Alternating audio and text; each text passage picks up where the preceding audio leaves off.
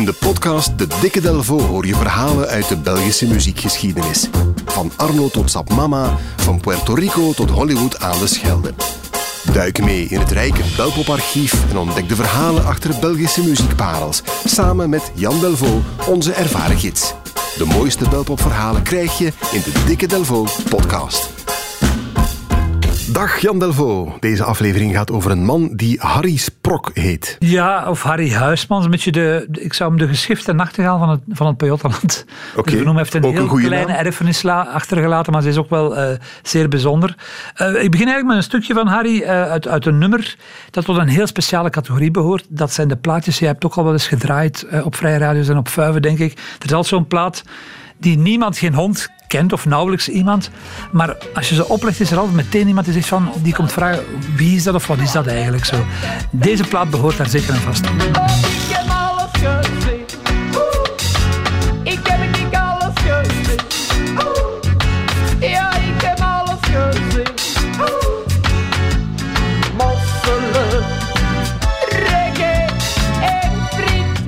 Niet zeggen dat ik er ooit op gedanst heb, Jan. Ik heb Nee, alles gezien van Harry en Co. Ja, eh, ik heb al eens gezien een reggae pastiche uit 1979. En ik heb het de voorbije maanden twee of drie keer meegemaakt dat dat plaatje ergens voorbij kwam. en Dat iemand er meteen zei van, nooit gehoord, waar kun je dat vinden? Het is in het Nederlands, dus dat, dat- dan kan je de tekst ook al meteen begrijpen. En zo'n reggae-nummer is altijd wel tof. Tuurlijk in die tijd, eind jaren 70, Peter Tosh en Bob Marley, dat Ja. was heel hip allemaal. Ja, en dus dan ska, moest je dat doen. ska Ja, en ja. eh, Madness en de specials. Ik bedoel, alles was toen zo'n beetje eh, eh, reggae. Dus iedereen pikte daarop in. Er zijn toen een vijf à zestal heel goede ska-nummers gemaakt eigenlijk. Pick It Up van de Employees, Tesca van Big Bill. Je had zo hè, een klein kransje.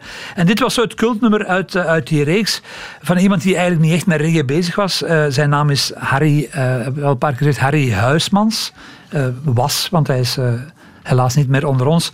Een man uit het Pajottenland. En in de jaren 70 was de beroemdste artiest uit de regio ten westen van Brussel, was dat. Dat zal Urbanus van Anus toch niet Ja, geweest helemaal nog. zijn? zeker? Aanvankelijk nog van Anus. En die is dan, want Anus was eigenlijk zijn, zijn band. Hè. Daarom heet hij, hij was Urbanus van de groep Anus. Ehm, en en eh, Harry werd trouwens heel vaak vergeleken met Urbanus, omdat hij ook optrad alleen met gitaar. Eh, er zat heel veel, veel humor in zijn teksten. En hij is ook een beetje in het dialect. Hè, zo de, wat, wat eh, patois eigenlijk. Hij wordt ontdekt door Luc Safloer. Ken je Luc Safloer nog? Eh, absoluut. legendarisch producer van Omroep Brabant Radio 2. Zelf ook een aantal platen gemaakt als kleinkunstenaar. Hij geeft Harry een, een kans om zich te laten horen op de radio. En hij leidt hem in 1979 binnen het programma van de viering van 1000 jaar Brussel. Wat Ja. een grote, grote manifestatie in Brussel. Daar speelt hij dan eh, iets nieuws. Dan, hij, hij- maakt, hij neemt wat Brusselse straatliedjes eh, en hij, hij maakt daar zijn eigen versie eigenlijk van. En daarom wordt hij opnieuw uitgenodigd om een sessie te komen doen op Omroep Brabant. Dus met een totaal nieuw repertoire. En eh, hij staat daar eh, samen met eh, Hans Dorrestein. Dat is een Nederlands cabaretier. Zo'n kurkdroge eh, moppenmaker eigenlijk. En dus denkt, eh, denkt chameleon Harry Huismans denkt van ja, maar als die man komt, dan moet ik ook eens iets, iets anders doen, iets nieuws. Dus hij, hij verandert opnieuw zijn repertoire. Let op, het is de, de derde keer al en er komen er nog heel veel. Hij brengt op de radio chansons à la Jacques Brel, onder de naam Harry Sprok. Ja, dat is de naam waar we net op kwamen. Voilà, dus een totaal eh, nieuwe eh, vermomming. Maar wat hij op dat moment eigenlijk echt, echt, echt, echt wil, is popcabaret maken. Dat bestond ook nauwelijks bij ons. Ik wou net zeggen, popcabaret, dat is iets dat je even moet duiden. Want Ja, dat zijn eigenlijk grappige teksten op, op pop- en rock eigenlijk. Eh, Denk aan, in die periode denk aan Johan Verminnekes, De Bruin of Fremont, maar dan met heel, heel grappige liedjes. Eigenlijk Urbanus, maar dan elektrisch versterkt. Zoiets ongeveer, dat had hij in gedachten. En hij noemt, na, hij noemt zijn band de Sproks. Harry, Harry of Harry of Harry en de Sproks.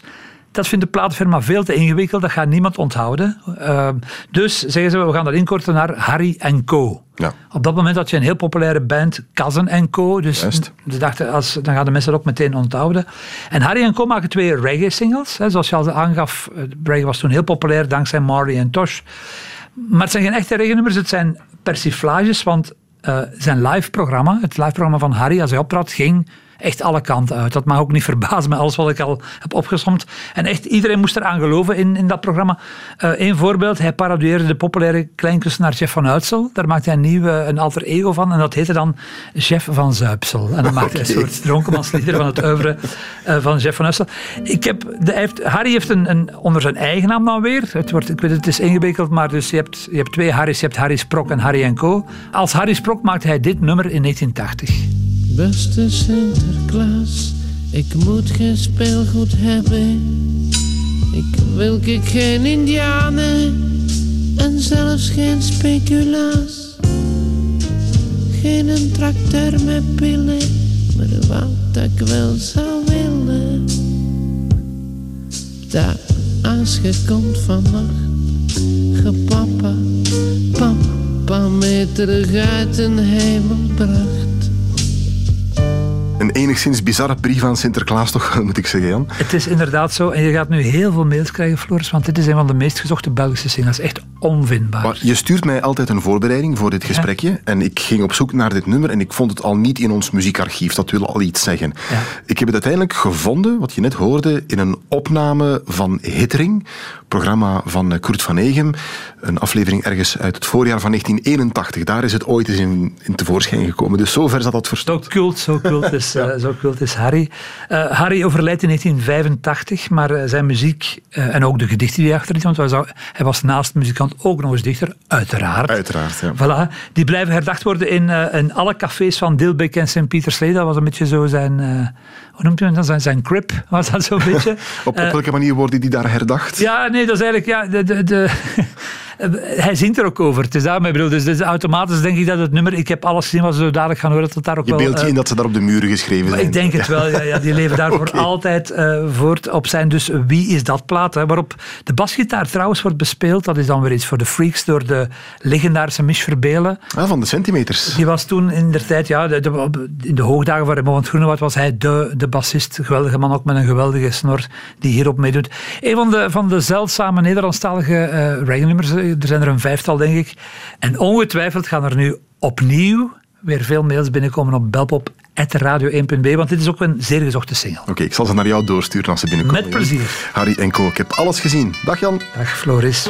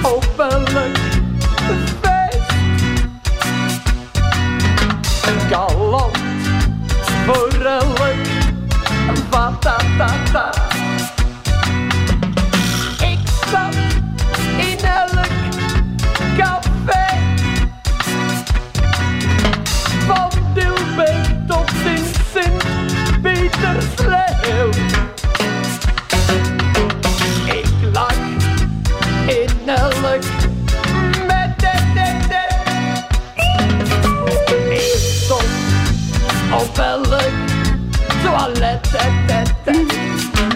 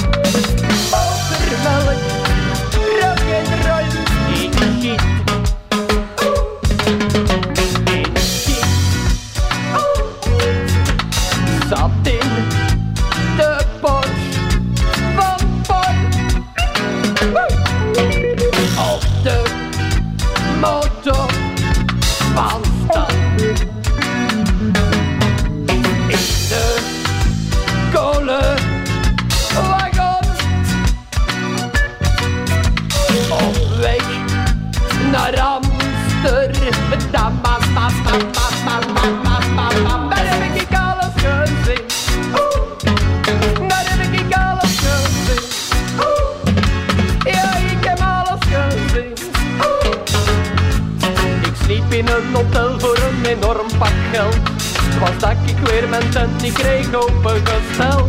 Gesteld, maar ik heb toch alles gezien. Oeh. Ik heb ik alles gezien. Oeh. Ja, ik heb alles gezien.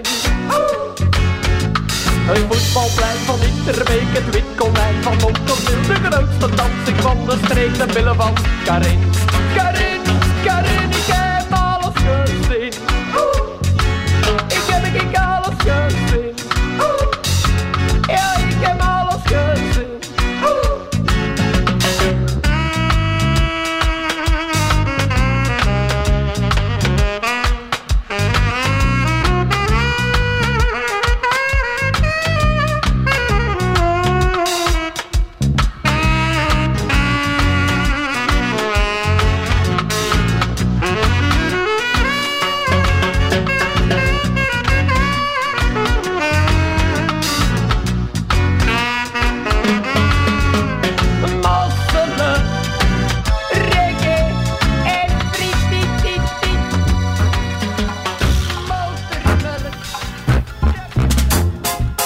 Zeker ook de andere belpopverhalen in een volgende aflevering van de Dikke Delvo.